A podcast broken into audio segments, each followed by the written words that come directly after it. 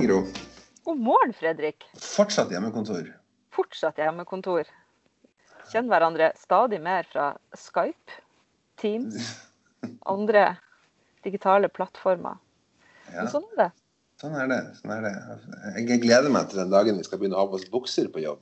Det har jo blitt en sånn greie. Man sitter jo med klær på overkroppen, og så har man joggebukser. Jeg, ja, jeg gjør ikke det, da. Men, eh, jeg, folk gjør det, har jeg skjønt. Ja, jeg har hørt om det. Jeg har lest om det. Men eh, det er jo godt at vi har noe å glede oss til der fremme. Vi har en festival som skal rett og slett gå av stabelen i begynnelsen av august. Uansett hvordan denne gjenåpningsplanen materialiserer seg utover våren, så skal vi ha festival. Og vi skal ha en festivalprofil, ikke sant Fredrik? Det skal vi jo. Det har vi jo hatt eh, gode tradisjoner for å ha i mange år. Ehm, jeg, jeg tror jeg kan fortelle akkurat når det begynte, men det har vel vært med ganske, ganske lenge. Og i år så, så har vi på mange måter fått to for én. Rett og slett den ultimate hybrid av en operasanger og en jazzsaksofonist. Den eminente Håkon Kornstad, som er gjest i podkasten i dag. Velkommen til oss, Håkon. Tusen takk. Ser ut som eh, fra skjermen, vi ser jo, eh, det er akkurat som påskelabyrintene her. Noen ser og noen ser ikke hvem som er med, men vi ser at Håkon er på, på hytta. Ser grønt og fint ut i bakgrunnen. Hvor er, hvor er du hen akkurat nå? Altså, det er det blide Sørland, da. Det er nede på, i Mandal. Så det er på familiehytta. Jeg har eh, sneket meg vekk fra hovedstadens eh, pulserende uteliv og eh, tatt veien hit da, for å snekre litt og bare ja, lade opp eh, batteriene. Det er jo så fryktelig busy om dagen, så Det er godt at eh, livet er fullt av forskjellige ting man kan fordype seg i, rett og slett. mm. Ja. Det er viktig, viktig å ha noe å gjøre, da. Ehm, jo En sånn liten VG-overskrift kunne jo være at jeg holdt faktisk på å hakke av meg en hånd i forrige uke. Eh, så det hadde jo faktisk kunnet spøke litt for, eh, for spillinga. Men det gikk veldig fint, altså. Det var to sting på legevakta, så gikk det bra. Og Så her går, her går vi rett inn i sånn dyp materie med en gang. Eh, Det her må du fortelle om. Jeg kjenner at det her blir jeg nysgjerrig. ja, nei, jeg, jeg har vært på snekkerkurs, da, og så har jeg lært meg å bruke sånn hoggjern.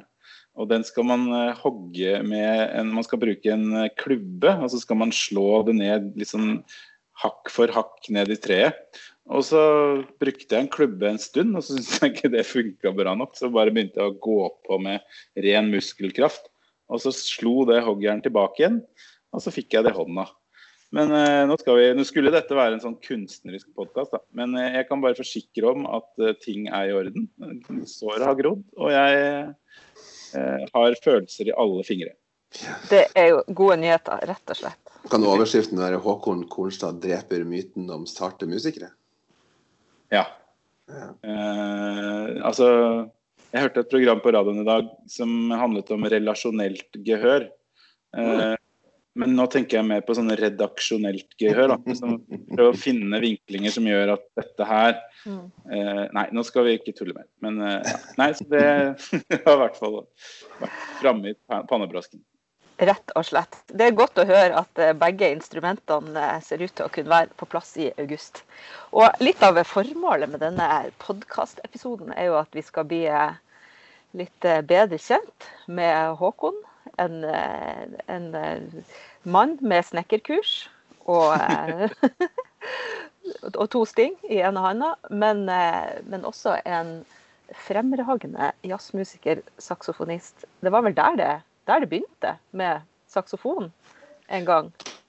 Det var det. Eh, Det begynte da jeg hørte platene til mamma og pappa i eh, kjellerstua, eh, som de hadde satt bort, for det var vinyl. Eh, Og så fant jeg fram til det. Jeg spilte klarinett i et skolekorps, og så tenkte jeg at eh, det er jo saksofon jeg må spille. Og så ble saksofonen tilfeldigvis tilgjengelig i skolekorpset.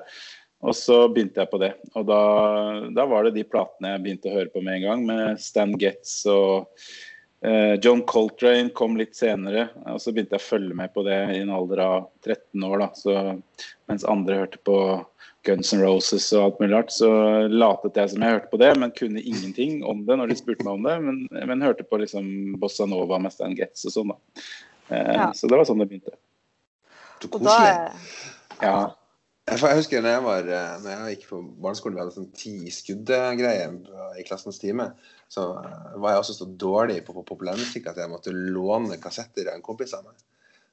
Det var- om å gjøre å låne Final Countdown med Europe, for den vant bestandig. ja. Jeg er fortsatt så dårlig at når jeg er med på sånn quiz og sånn, og folk bare ser på meg for at jeg liksom ikke har fulgt med på noe av sånn her eh, 80-tallets rockehistorie eller noen ting som jeg burde ha fulgt med på, da. Men, men. Mens uh, jeg må innrømme at jeg hadde begge kassettene User Illusions 1 og 2. Den, både den blå og den oransje med Guns N' Roses. Det varte ikke så lenge, men, jeg- men jeg holdt på med det en veldig kort stund. Som 13-åring, kanskje. Ja. Sukk. da fikk jeg sagt det. men eh, Det blir jo folk av det likevel. Ja, ja, det for så vidt. Det, det er jo noe med at, som vi skal komme innom her etter hvert i denne podkasten, tenker jeg. At den eh, sjangerovergripende eh, holdninga i, i livet er jo noe som, eh, som flere av oss holder på med når det gjelder musikk. Det er ganske åpent for eh, likt og ulikt. Hvor lenge spilte du i skolekorps? eh, Jeg spilte til uh, uh, Ja Jeg måtte gå av for eh, pensjon. Nei, jeg, altså det, jeg spilte til jeg begynte i storband.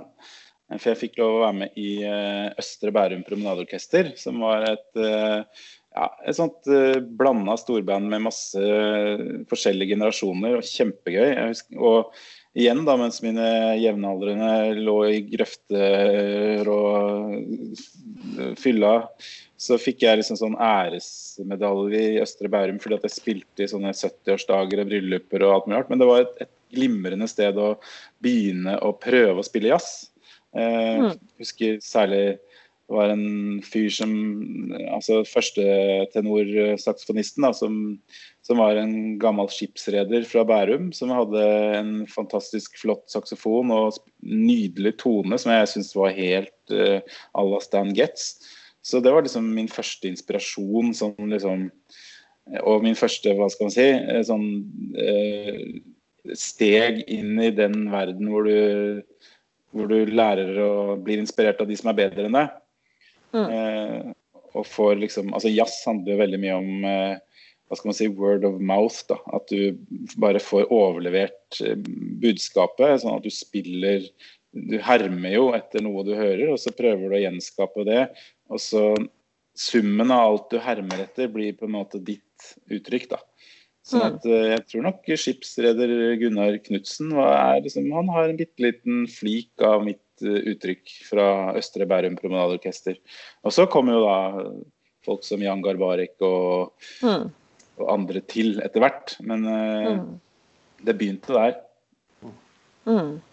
Husker også Jan Garbarek fra, fra Musikkfestuka, faktisk. Lurer på om det var midt på 90-tallet, den der Visible World-turneen. Mm. Det gjorde enormt eh, inntrykk på meg i ungdomsårene. Jeg synes det var eh, jeg tror det var i domkirka. Ja, så det var helt eh, makeløst på den tida. og Sånn, eh, svært. Det har jo vært noen virkelig gode norske jazz-saksofonister som eh, ja. Absolutt, og, og masse gode norske jazzmusikere i det hele tatt. Altså Garbarek og hans uh, gjeng da med Arild Andersen og Terje Mm. Rypdal, Jon Christensen. Uh, som, eh, som virkelig satt liksom Norge på kartet for første gang i den første bølgen, kan man si. Mm. Eh, og så har det vært masse bra liksom i jevn strøm etter det. Liksom Mm. Jon Balke, Nils Petter Molvær, Sissel Endresen, Bugge Wesseltoft. Eh, der. Og så liksom kom vår generasjon som den såkalte ungjazzen på slutten av 90-tallet. da. mm. Vi tok liksom opp Vår greie var at vi liksom tok oppgjøret med denne såkalte fjelljazzen og gikk inn i Mm. tilbake litt mer i liksom litt røffere, fri eh, Coltrane-jazz. da. Mm. Eh, så det var liksom utgangspunktet for eh, den profesjonelle karrieren. Eh, men jeg hadde jo før det så gikk jeg på jazzlinja i Trondheim sammen med yp- ypperlige folk, bl.a. Eh, Bodøs store sønner eh, Frode og Atle Nymo. Så Mm. det Eller har Fauske er det vel. Ja, Valnesfjord, hvis vi skal være Ja, OK, da. veldig- Midt imellom. Det ligger midt imellom. Ja, ja, ja. Jeg tror de også har bakgrunn fra sånne eh, storband, da, altså det er eh, ungdomsstorband, og, og at det var veldig sånn kultur rundt det i Bodø på, eh, på den tida. Så det var veldig sånn inspirasjon og god skole, tror jeg, for mange her med Henning Gravråk her i byen. ikke sant? Som var, Ikke sant? En annen stor sønn. Og hør, hør til alle som eh, driver med sånn ungdomskultur. og eh, Det er veldig, veldig viktig, altså. Mm. For å spark the light, eller hva man skal si på norsk. Sette i gang. Da kan vi også si eh, at vi, altså, Musikkmusikalen deler jo også ut et eget skoleklubbstipend hvert år. Eh, til lokale skoleklubb som sliter med økonomien. Ikke jeg sagt det òg? Ja. Ja, ja. Det skal du dele ut. Er det liksom- eh, er det- ja, flott. Men er det, er det økonomien de på en måte først og fremst sliter med nå? Eller for at når du ser, når du ser på sånn skolekorpsreportasje på Dagsrevyen, så er det liksom to saksofoner, en tromme og en tuba. liksom. Altså det er, Mm. det er, ja, det er en annen skolekorpsvirkelighet nå enn det var da vi var små. Kanskje ikke, men, men det er på mange måter den måten man kan bidra på. Men det er selvfølgelig rekruttering. Eh, Ja. det, altså, motivasjonen vår for å gjøre det er fordi vi ser at altså, landsdelen har sitt eget orkester. Vi er avhengig av å ha eh, musikere til det. og Ofte så begynner det i, i skolekorps. Um, hvis man kan bidra Det var en liten oppsving når NRK hadde ORPS Mm. på NRK Super. Nå har den dabba av litt. Mm. Uh, Så det, det er viktig å holde det i uh, Holde det varmt. Snakke om det. Mm. Snakke om korps. Det er kult. Ja.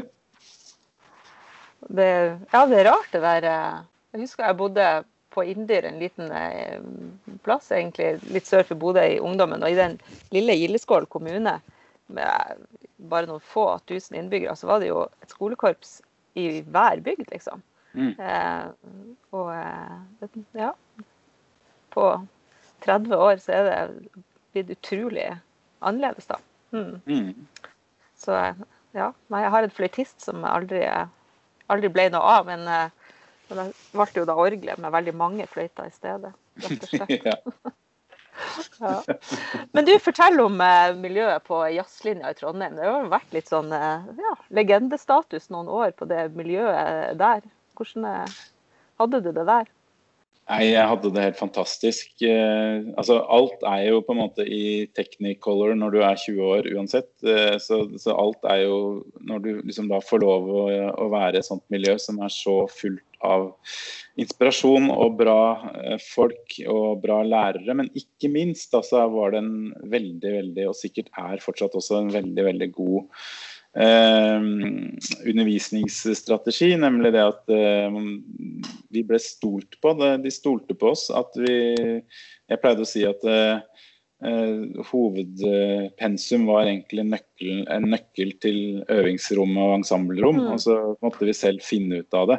Eh, så det var noen der som hadde forhandla med akademiet, eller NTNU, da, for oss på forhånd at vi kunne bruke masse tid til egenøving og ensemblespill. Eh, Mm. Og så var det ikke så mye liksom sånn påtvunget teori og alt mulig rart. Litt var det jo selvfølgelig, litt hørelære som er på en veldig, veldig bra måte med Jon Pål Indeberg. Eh, men rett og slett det var det perfekte stedet å utvikle musikaliteten for min del akkurat da. Mm. Ja, det var et eh, nydelig sted å være. Så rett og slett Men jeg holdt ut i bare to år, da. Måtte jo videre. Ja da. Ja. Eh. Jeg, nei, det skjedde jo så mye i Oslo på den tiden også, med Blå-klubben og liksom eh, Vi hadde jo lagd band, og vi fikk spillejobber, og, og vi måtte bare rett og slett spille så mye som mulig. Og ja, vi kunne liksom ikke vente med å komme ut Mm. og spille. Så eh, etter andre året så syns jeg det holdt med musikkutdanning. Ja.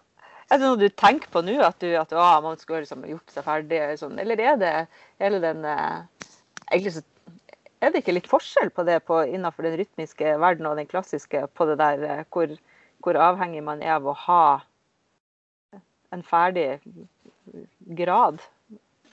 Absolutt, der er det en forskjell. fordi at uh, ofte så Ja, i hvert fall så har, uh, har det vært sånn at uh, i den rytmiske verden så er musikerne mye mer sånn egne entreprenører som lager band og som er litt komponister og som, ja, mm. som, som er ute på veien, på en måte. Og jeg syns det er en veldig bra ting, fordi ja, det er jo ingen ferdig, altså nyutdannede innenfor noen yrkesgrupper som ville si at de var helt ferdige når de var utdanna, på en måte. Det er liksom mm. Du utdanner deg, og så, og så begynner liksom den virkelige utdannelsen. Da, eh, mm. Ute i jobbtilværelsen. Så ja. For meg har det vært veldig, veldig bra. Mm. Eh, så fikk jeg spille med folk som Bugge Wesseltoft, og fikk, ble liksom tatt inn i varmen med veldig bra folk som var bedre enn meg uh, hele veien. Som jeg har liksom lært fra videre. Da. Det er jo uh, klassisk opplegg i, tror jeg, for både Uansett hva slags sjanger man spiller i, for så vidt det der og rett og slett få spille med folk som er bedre enn deg, det er jo uh, det man lærer aller mest av. Men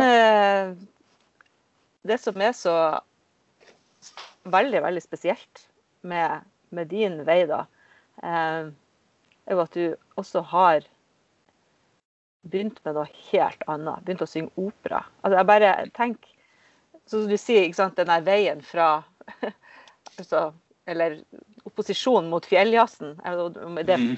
tolker jeg deg som at du mener litt sånn world music-stilen, kanskje, innafor uh, jazzretninga til noe som er liksom litt mer tilbake til, til røttene. sant? Ja. Eh, og så går du i liksom helt, eh, helt andre retninger samtidig og gjør noe, gjør noe helt annet og, og blir operasanger. Hvordan, hvordan, i all verden? Hva skjedde? Ja, nei, først så må jeg bare si at den opposisjonen mot fjelljazzen det handler litt om at jeg hadde så utrolig dyp respekt for f.eks. Jan Garbarek. Da, og, mm. og, den, eh, og den som, hva skal man si, som har blitt kalt liksom, nordiske eh, tundra-jazzaktige. Eh, jeg hadde dyp respekt for den, men for å, å, for, eh, å kopiere en, eh, en, man har dyp respekt for, så syns jeg man skal liksom gå bakenfor altså å finne hans inspirasjons, eller hennes inspirasjonskilder. Og mm. det var det jeg gjorde da. Så, så, for min del så var det liksom å finne ut hva hørte Garbarek på. ikke sant? Altså det var jo da mm. Coltrane og det var Faroa Sanders og det var sånn, alle disse såkalte post-Coltrane-folka. Så, så, sånn sett så ble det liksom en, min første, mitt første musikalske uttrykk. Og jeg holdt på med vi hadde band, jeg hadde trioen, eh, og det var egentlig en ganske bra jazzkarriere, altså. Eh, mm. Så, og reiste rundt i, og fikk oppmerksomhet eh, langt eh, sørafor Sinsenskrysset også, så det var liksom mye, mye som skjedde. Um, men jeg tror likevel at det var et eller annet liksom ja, Noe som skjedde etter hvert, hvor du bare liksom tenker er det OK, så da var det dette da? Eller er det noe mer jeg kan holde mm. på med, på en måte? Mm. Uh, og så hadde jeg jo da faktisk uh, spilt med datteren til Jan Garbarek, Anja Garbarek, uh, mm. en god stund. Og, og, da i det bandet der så måtte man gjøre alt mulig rart. Fordi jeg, måtte, jeg spilte synt, jeg spilte saks, fløyte eh, og kora. Og så merket jeg at jeg syntes det var så deilig å synge. eller Det var liksom så gøy å kore på en eller annen måte. Eh, og Samtidig så var det noen eh, kompiser av meg som begynte å presentere meg for litt klassisk musikk. Jeg hadde jo bare, jeg har liksom, Igjen da, så har jeg sånne skylapper og hører bare på én ting av gangen. eh så, jeg, så jeg da liksom begynte å høre litt på eh, på den ene side liksom, ja, symfonisk musikk eller Rachmaninoff eller sånne ting. Og så på den andre siden så var det noen som begynte å spille litt sånne eh, ja, sånn kontratenorsanger og sånn. Og så mm. begynte jeg liksom utforske litt stemmen og tenkte jøss, ja, men jeg har jo egentlig ganske bra sånn falsett, eller altså Ja. Begynte det en sånn slags Dette var kanskje i 2008, da. Eh, en slags prosess på liksom Men hva skal jeg bruke dette til? Og så bare la jeg det på en måte vekk. Eh, og så var det da en sånn tur som jeg tok til New York i 2009, hvor jeg da egentlig hadde bestemt meg for at nå skal jeg være helt åpen for alt som skal skje. Eh, jeg skal lære noe nytt på denne turen, eh, men jeg vet ikke hva. Men jeg skal liksom koble meg opp med litt andre artister og kunstnergrupper enn de vanlige frijazzerne som jeg vanligvis spiller med, da. Og så var jeg der i seks uker og hadde vært der ganske lenge. Og det hadde egentlig ikke kommet til noen sånne spennende møter. Men eh, da var det en kompis av meg som var i New York, og som spurte meg om jeg ville bli med han i operaen. Og så dro jeg i operaen, og det er jo Metropolitan. Det er jo liksom den største operaen i verden. Hellige gral. ja. Og det var liksom eh, Det er litt av en eh, Ja, det var liksom så utrolig gedigent og stort og flott og Ja. Eh, den salen og den akustikken Når orkesteret da begynte å spille til Cavalleria Rusticana, mm. og den musikken også som egentlig ikke er så fryktelig langt vekk fra jazz altså fordi at det er sånne veldig sånn romantiske uh, harmonier, ikke sant? Og mm. det er masse tall i akkordene som ja. Um, og jeg ble bare helt altså det, Bare å høre liksom For det første orkester i den salen. Og for det mm. andre, da når de begynte å synge, så var det et eller annet som bare klikka i meg. Og jeg tenkte liksom Dette er jo det jeg Det er sånn jeg skal synge. Det, man skal jo ikke spørre en, en, dame om hennes alder, men altså, hvor gammel var du da? Da var jeg eh, 32. 32. Jeg bare tenker at det er utrolig modig. Altså, for de fleste så Altså, vi er jo opptatt av eh talentutvikling og, og, og det der eh, drillen nå, syns jeg i ganske stor grad fra, fra, veldig ung alder. Det der å, å ha den eh, nysgjerrigheten og den trua på at dette, dette, vil jeg gjøre, dette vil jeg finne ut av da, når man er 32, langt ut i yrkeslivet, det, det er et eget mot. altså, jeg var vel i begynnelsen så tenkte jeg at dette her skal bare være noe jeg gjør helt uh, for meg selv, og som ingen får vite om. Uh, og, så, uh, og, så, gikk jeg da, på masse forestillinger på The Met de ukene jeg hadde igjen der i New York. Så, men så var det masse sånne tilfeldigheter som skjedde. Og er, jeg tror ikke egentlig så veldig på tilfeldigheter. Jeg tror at du liksom Du går jo etter noe når du først har liksom mm. fått sett lyset, liksom, så, så, begynner du å se etter mer av det lyset. Og så på en, eh, en merkelig art-event i Brooklyn, hvor jeg selv spilte saksofon, så var det en, en operasangerinne som, som sang, da. Eh, og hun Vi fikk veldig kontakt den kvelden. og så og så ble vi enige om at OK, jeg må gjøre et eller annet med en operasanger, tenkte jeg. Mm. Så da skulle jeg spille, spille, saksofon, og hun skulle synge jeg tror det var noe sånn Schubert-lieder eller noe sånt. Så skulle vi liksom gjøre det på duo da, hjemme mm. i leiligheten hennes i East Village. Eh, og troppa opp der dagen etter. Og det, ja, det ble liksom ikke så veldig fint. Jeg merket at jeg gikk liksom bevega meg inn i de samme måten å spille saksofon på. Egentlig så kanskje jeg var begynt å bli litt sånn lei. Jeg hadde holdt på med saksofon siden jeg var 13 og levd av det siden jeg var liksom 19. Så på en mm. måte tenkte at liksom Ja, jeg trenger noe nytt. Det var da jeg sa til henne at eh, jeg vil gjerne også liksom Jeg vil, tror jeg har lyst til å ta noen sangtimer, jeg. Mm. Eh, bare sånn for å se hvordan det er. For å se om det er noe liksom eh, operastemme der. Og da hadde hun akkurat funnet en eh, sanglærer som hun eh, var veldig fornøyd med. Og så ringte jeg til henne mens jeg sto der, og jeg glemmer aldri den stemmen, og det var den derre Hallo! Yes, uh, I'm a saxophone player from Norway. Uh, I would like to uh, to start to sing. Yes! I'm in for an adventure. Come see me tomorrow. Oh. Og da dukka jeg opp på hennes adresse, som selvfølgelig var på Upper West Side. Der hvor alle sånne pensjonerte operasangere bor. Og, eh, og banket på døren, og, og, da åpner Pamela, da. Og det var liksom litt av en hva skal man si eh, Litt av en entré inn i et annet univers da, for meg. Mm. For der var det liksom kandelabre og Nei, ikke at jeg er ufremmed for det, men altså det var det, der var det operaportretter og librettoer og et flygel og helt andre musikalske rammer enn jeg var vant til da. Jeg har nettopp sett filmen om eh, Florence Foster Jenkins. Jeg, jeg, jeg fikk det, jeg fikk det bildet i hodet nå. Ja. Ja, ja, ja. Håper at du hadde mer å, mer å lære bort og Pamela. da. Det sånn. Pamela er, hadde veldig mye å lære bort, og har mye å lære bort. Og, hun, eh, og vi klikka veldig bra. Og, hun, eh, og det jeg, synes, jeg husker jeg syns var så utrolig gøy, var OK, her hadde jeg vært eh, liksom entreprenør, som vi snakket om, i så mange år, da, følte jeg. Det var jo bare snakk om 12-15 år, men, men det føltes lenge. Og så, og så endelig så er det noen som står der og forteller meg hva jeg skal gjøre. Akkurat hva jeg skal gjøre. Mm. Eh, liksom, ja, gjør den og den øvelsen. Brrr, sånne ting. Og gjør sånn og sånn og sånn. Og så tenk litt sånn og sånn. Og så kunne jeg liksom bare gjøre akkurat det hun sa. Og så etter én time så sa hun Wow! It shouldn't be possible! Bla, bla, bla. Eh, sikkert for å få en time til, men etter tre timer så sa hun at You can be a singer! You can be a professional opera singer if you want to! Eh, Og da dro jeg derfra fra New York, eh, for da, hadde jeg jo, eh, da var jo billetten min hjem. Og med liksom opptak av de timene. Og da akkurat øvingshotellet i et annet glimrende kommunalt tilbud eh, startet opp. Så da satt jeg bare i gang og øvde.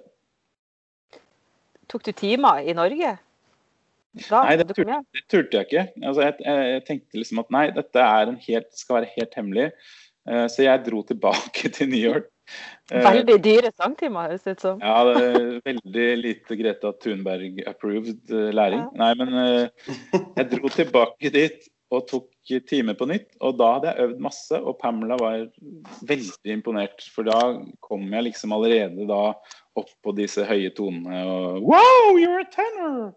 Og bla, bla, bla. Men det var mye å jobbe med videre, da, altså. Men så, så tenkte jeg at jeg må det blir litt for dyrt å reise til New York hele tiden og ta sangtimer. Og så begynte jeg også å lefle litt med tanken altså begynte også å liksom synge litt på noen fester og fikk veldig sånn Folk fikk veldig hakeslepp eh, og sånn. Fordi det er jo mye. Det er jo mye stemme. Ja.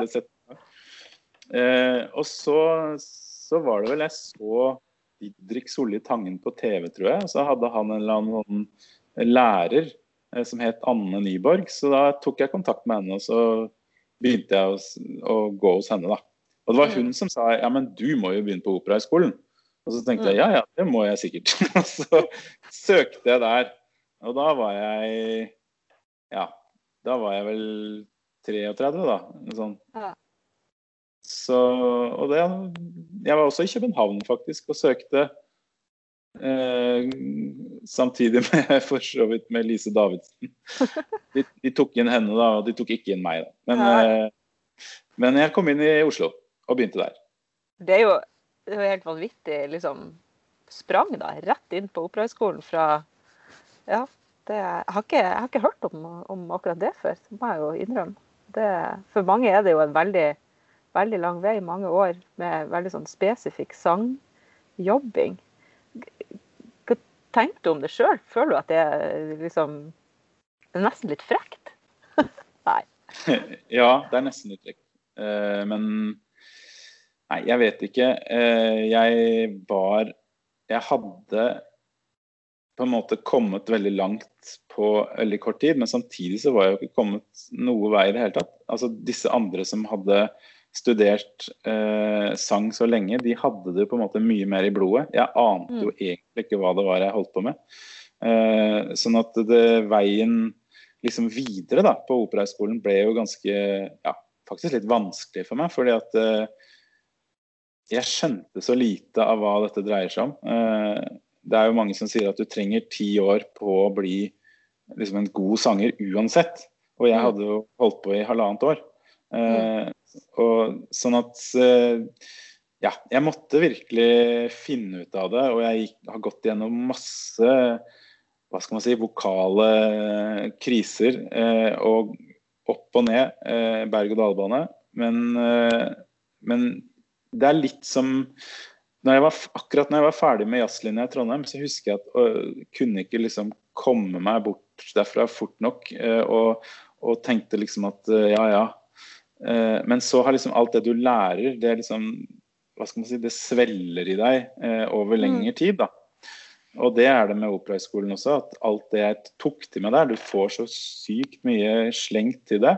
Mm. Det har jeg på en måte brukt. Men det er akkurat som du får en verktøykasse, så, du, så må du sette sammen tingene selv da, mm. etter hvert. Og så vet du ikke helt hva den verktøyet nedi nederst i kassa skal brukes til, men så etter hvert så skjønner du oi, det skal inn der. ja, sånn. Så, så jeg begynner liksom å lære meg å synge nå, føler jeg. Det, er det ca. ti år ja, litt mer enn ti år siden du, du starta, da? Så du, du, er liksom Ja.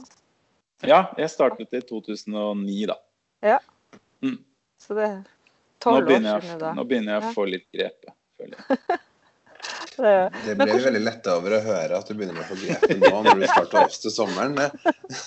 vi, skal jo, eh, vi skal jo få se, både se eh, og høre Håkon Konstad i mange forskjellige varianter i sommer.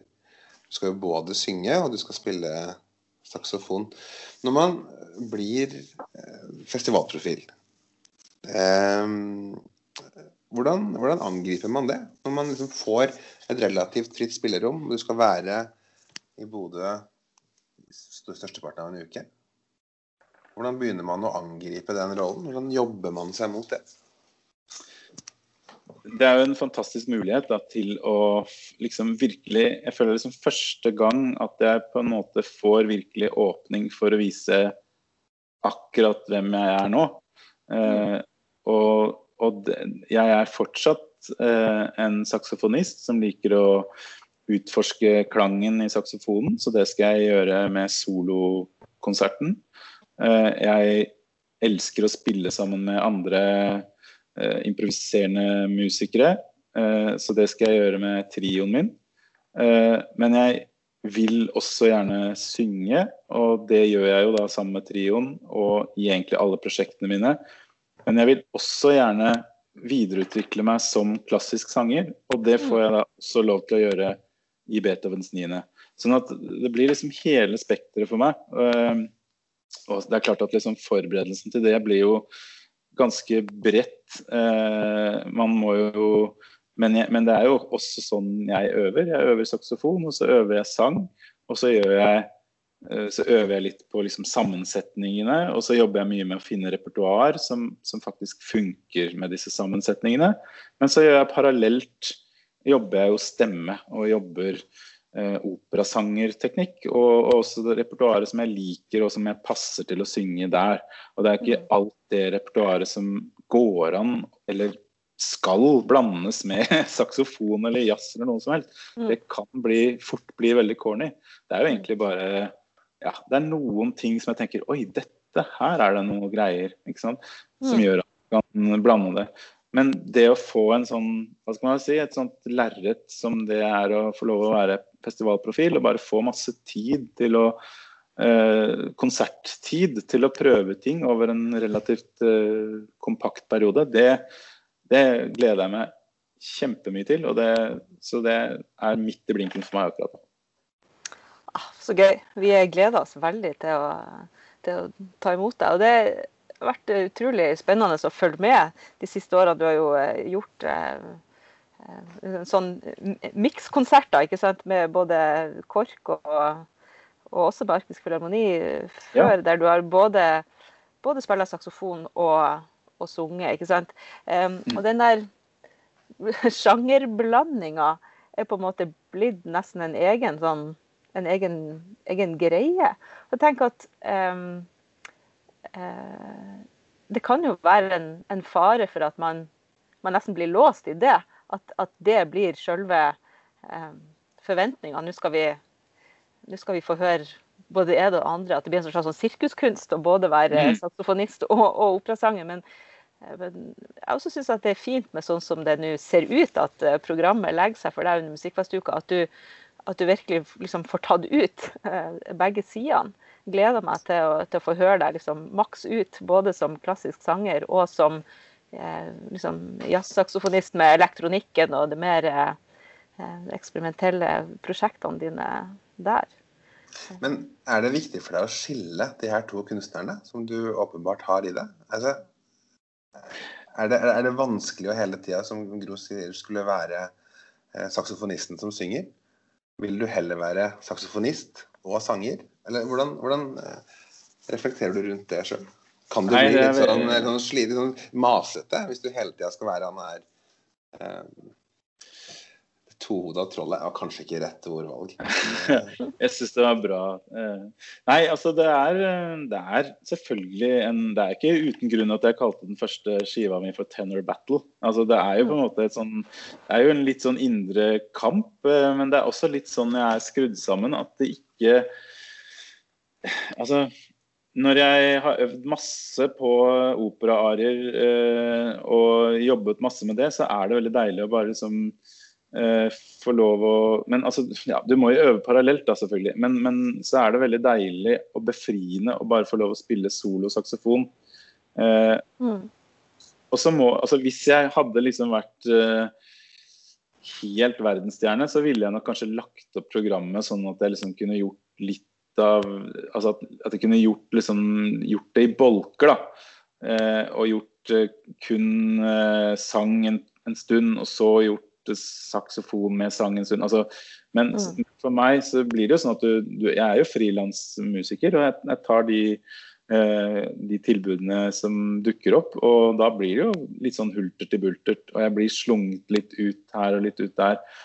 Men jeg er jo i stort sett så er jeg jo min egen uh, musikalske leder, så det er jo det er jeg som bestemmer repertoaret jeg vil synge f.eks. på mine trio- og solokonserter. Sånn at hvis stemmen f.eks. er litt rusten, så kan jeg, jo, uh, kan jeg jo velge ting som passer å synge meg i akkurat da. Det er ikke noe sånn mm. fastlåst program, ikke sant. Mm. Um, og så kan jeg heller liksom spare stemmen til da dager hvor jeg må synge et eller annet uh, spesielt program. Uh, så mm. ja, det er vanskelig å forklare. Jeg har ikke helt kommet til bunns uh, selv, Fredrik. Så, men ja, det, det, det, det fungerer. Mm. Det er jo fint å lese mange veldig gode anmeldelser på nettopp den der ja, åpenheten og musikaliteten og liksom kunstneriske integriteten som du har gått inn i Mm. den stilblandinga med. Man kan jo kanskje så Det finnes jo en viss sånn sjangerjustis eh, både her og der, hvor man kan eh, frykte at, det, at ting ikke blir sånn som det skal på et vis. Men det har vært fint, mm. å, fint å lese hvor, hvor åpent mange har, har, tatt imot det. sånn av ja, Anmeldelser og konsertpublikum. At det, at det mm. oppleves som, som kunstnerisk at det, at det, står sterkt og solid. Eh, for det om det er en, en utradisjonell eh, mm. miks til tider. Hvordan, hvordan opplever du sjøl at, at, det har blitt tatt imot? Ja, nei, Det er veldig hyggelig at du ser det. Um, det er vanskelig å selge dette prosjektet på et vis, fordi litt pga. at folk uh, er litt forutinntatte når de leser om dette, og litt pga. den sirkushesten du snakka om i stad. Eh, at liksom folk tror at dette bare er eh, ja, mm. dette umulig kan være kunstnerisk liksom 100 ment eh, vel. Da. Men mm. at jeg liksom, så, så, det jeg har opplevd selv, er at både publikum og også liksom fagfolk, de må se det live. og De må bare oppleve det. Og når de har opplevd mm. det, så, så har jeg fått ekstremt flotte tilbakemeldinger. Og mm. folk har blitt liksom alvorlig rørt av det eh, og sier at eh, ja, dette hadde de aldri forestilt seg at det kunne være så bra, sier de. Eh, så, men jeg har jo også fått liksom forespørsler f.eks. fra agenten min i Tyskland om eh, Der hadde han liksom eh, prøvd å booke meg til et, eh, en jazzklubb som hadde sagt ja, men kan han la være å synge, please? liksom. Altså, eh, jeg, får jo sånne forespørsler også. Mm. Eh, så ja. Så det er liksom er, det, det, jeg må bare holde på lenge nok, tror jeg, så, så, Mm. så skjønner folk at dette mener jeg alvor med. Eh, og ja, og så ser jeg ikke ja, bort fra altså F.eks. den forrige soloplata jeg ga ut, som kom ut nå nylig, den, Mm. den hadde bare egentlig ett spor med sang. Eh, så det, det, kan, det trenger ikke være den ja, blandingen absolutt hele tiden heller. Eh, Det er bare som Jeg leste, en, jeg leste en anmeldelse av den plata der det sto at det ikke var oppgitt hvem som sang. Ja. Så det var veldig koselig. Så jeg har et forslag. Kan det være? ja, ja. Ja, det er, den har jeg fått noen ganger, faktisk. Hvem er det som synger? Det, det burde ha stått et sted. ja. Nå skal du høre. Eh, Men, men den siste plata di, da. eh, Fortell litt om Der er du jo helt solo, sant? Og, og ja. Hvordan fungerer det? Hva slags type uttrykk, hvis du skal forklare folk? Hva, hva er det vi snakker om på Out of the Loop, som plata heter? Ja, eh, det er jo min tredje solo-soloplate. Eh, Og det er jo rett og slett at jeg, eh, jeg har Står ofte i et rom som jeg liker å spille i, med fin akustikk, og det er ofte jo kirker, da. Og så spiller jeg eh, saksofon og utforsker alle saksofonklangene som fins, og melodiske temaer jeg kommer på. Det er helt improvisert, men jeg føler at det liksom ikke er sånn Det er ikke sånn pling-plong-improvisert. Det er veldig sånn Det er mer, kan man kalle det, liksom spontankomponert, da.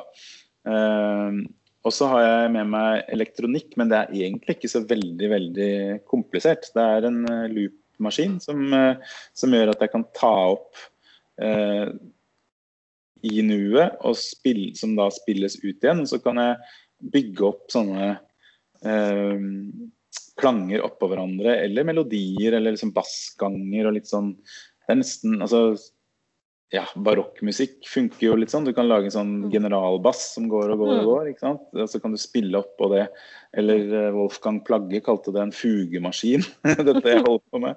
Eh, fordi man kan liksom spille inn eh, litt sånne parallellforskjøvede linjer som, som, eh, som alle består av saksofon. da. Mm. Eh, og så er det litt stemme, og så er det litt plystring og litt fløyte. Og jeg liksom åpna opp for å gjøre mer og mer Det begynte mye mer som et sånn slags intellektuelt saksofonprosjekt, men eh, nå er det mer ja, Jeg vil si at det har veldig bred appell, den, den musikken der. altså. Mm. Og, og, og folk som har vært der, sier at de liksom har vært med på en, en reise. da, At de liksom de ofte sitter og, og på en måte lukker litt øynene, og er, plutselig så er de i et arabisk land, og så er de kanskje Ja, kanskje jeg får fram noen tundraer, jeg òg. Eh, Mm. ja, litt forskjellig. Eh, det er veldig, i hvert fall veldig Jeg har blitt brukt den musikken eh, i veldig mange forskjellige sammenhenger. Alt fra bryllup og begravelse til eh, kongebesøk har jeg vært med Mm. på med det. Så Mm. det er et prosjekt som jeg liker å gjøre. Ja.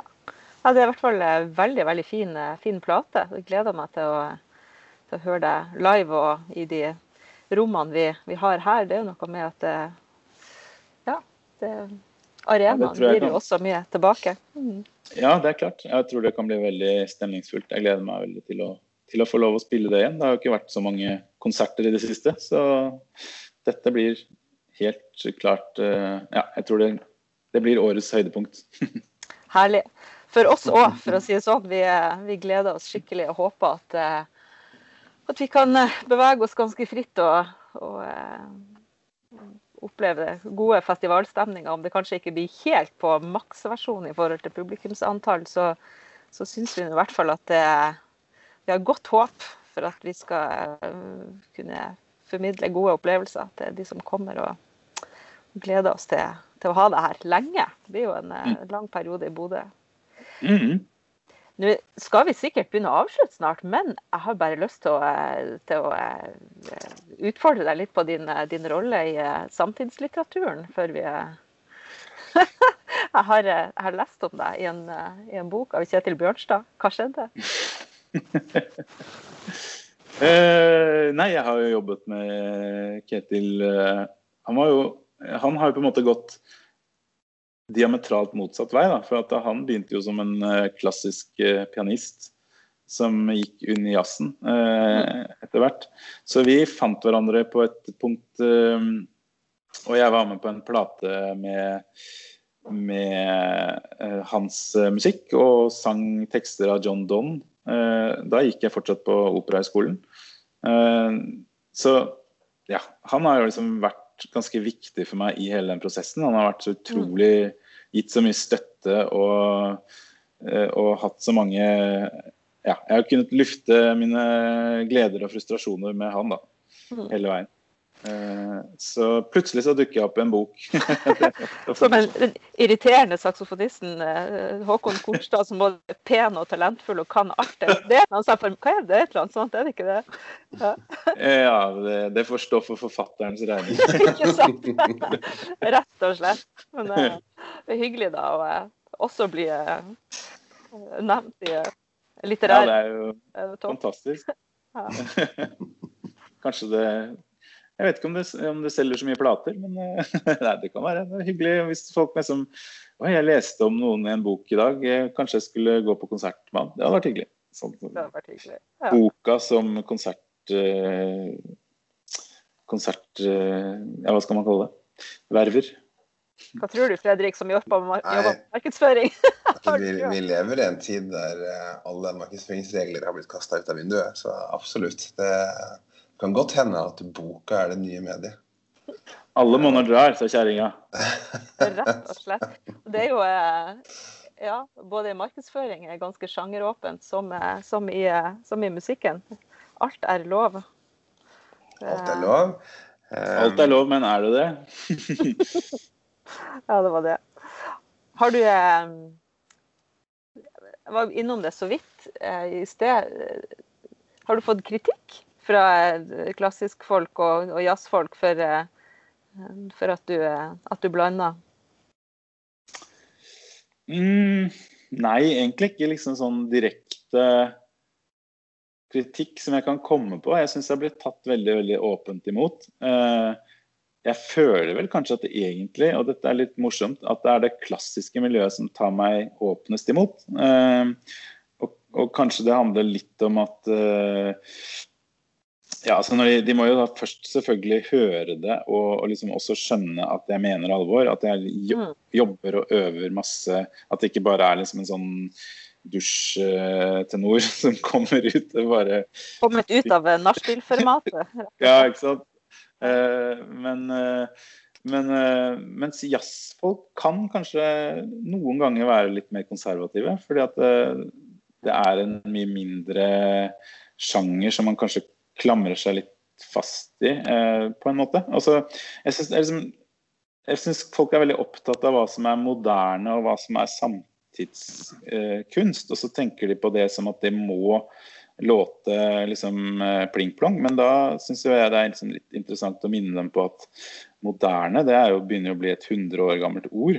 Eh, og en, en, egentlig en sjanger som er ganske gammel, den òg. Eller den er jo ikke noe Eh, noe så veldig mye nyere enn noe annet. sånn at da må det jo ikke være sånn at ting er veldig altså, eh, klangbasert. på en måte, At det kan være melodisk og det kan være liksom smektende melodier. Og så er det heller liksom ja, den historien min da, med at jeg sjalter mellom ting, og det som, at det er det som kanskje er det nyskapende. Jeg vet ikke. Mm. Men uh, jeg syns folk kanskje er litt opptatt av at alt skal være så nyskapende. Eh, så, så, det er kanskje det jeg har fått litt som kritikk da, på en eller annen måte. At, eh, men dette er jo ikke nykomponert, på en måte. Men, eh, mm. men jeg tror ikke det er så mange som har gjort de operaariene og de napolitanske sangene på den måten før. Så ja, da har jeg i hvert fall gjort det, da. mm. jeg, jeg, jeg, tenker jo at det på veldig mange måter er veldig befriende. Eh, jeg kan jo kan tendere til å synes at eh, når ting blir for nyskapende, at det kan bli litt eh, tendensiøst og slitsomt. Jeg kan si det sånn i hvert fall at min, min musikk er nyskapende, men ikke på den gode, gammeldagse måten. ja, det sa jeg veldig bra. interessant, interessant uttalelse. Ja, til og med modernismen blir umoderne. Det skal uansett bli veldig gledelig å la eh, publikum i Bodø og Nordland får bli bedre kjent med. Det er jo sånn at Når man kommer til Bodø som festivalprofil, så blir man jo verdensberømt i hele Bodø eh, en hel uke. Det er jo sånn at Man blir tatt bilde av på gata og sånn. Eh, det gleder vi oss til, og spesielt de musikalske opplevelsene. Eh, det her kommer til å bli kjempebra. Eh, vi gleder oss stort. Fikk Og så har jeg begynt å bruke an- arbeidshansker nå. Ja, ta, på, ta vare på, eh, på fingrene og, og stemmen og alt Frem til ut. Helse, miljø og sikkerhet. Rett og og Så slett. skal dette gå bra. Men der har de gjort en smart ting. Da, for hvis du nå skulle miste hånda, Mhm. så kan du jo synge likevel. Det er sant. Kanskje det blir det da Det tenkte jeg på, at det da blir det endelige valget, liksom. Da må jeg ta valget. Et brutalt valg. Den ene har jeg med dette to ord. Det er også en nisje. Ja. Vi, vi satser på at du, eh, at du beholder eh, både hender og føtter før du, du kommer deg til Bodø. Eh, Selv om du sikkert har masse snekring igjen. Det var en sofa du skulle bygge, var det det? En plassbygd sofa? Ja, det er en sofa som jeg tegna selv og bygger selv. Så korona fører til så mangt. Men ja. Det er kjempemorsomt arbeid, rett og slett. Lykke til videre med det, og med Tusen takk. forberedelsene til eh, i sommer. Og så gleder vi oss til å ta imot deg her. Det gjør vi. Det, og jeg gleder meg til å komme. Takk til eh, Håkon Kornstad, og eh, takk til deg som har hørt på klassisk nordnorsk podkast fra Nordland Musikkfestival.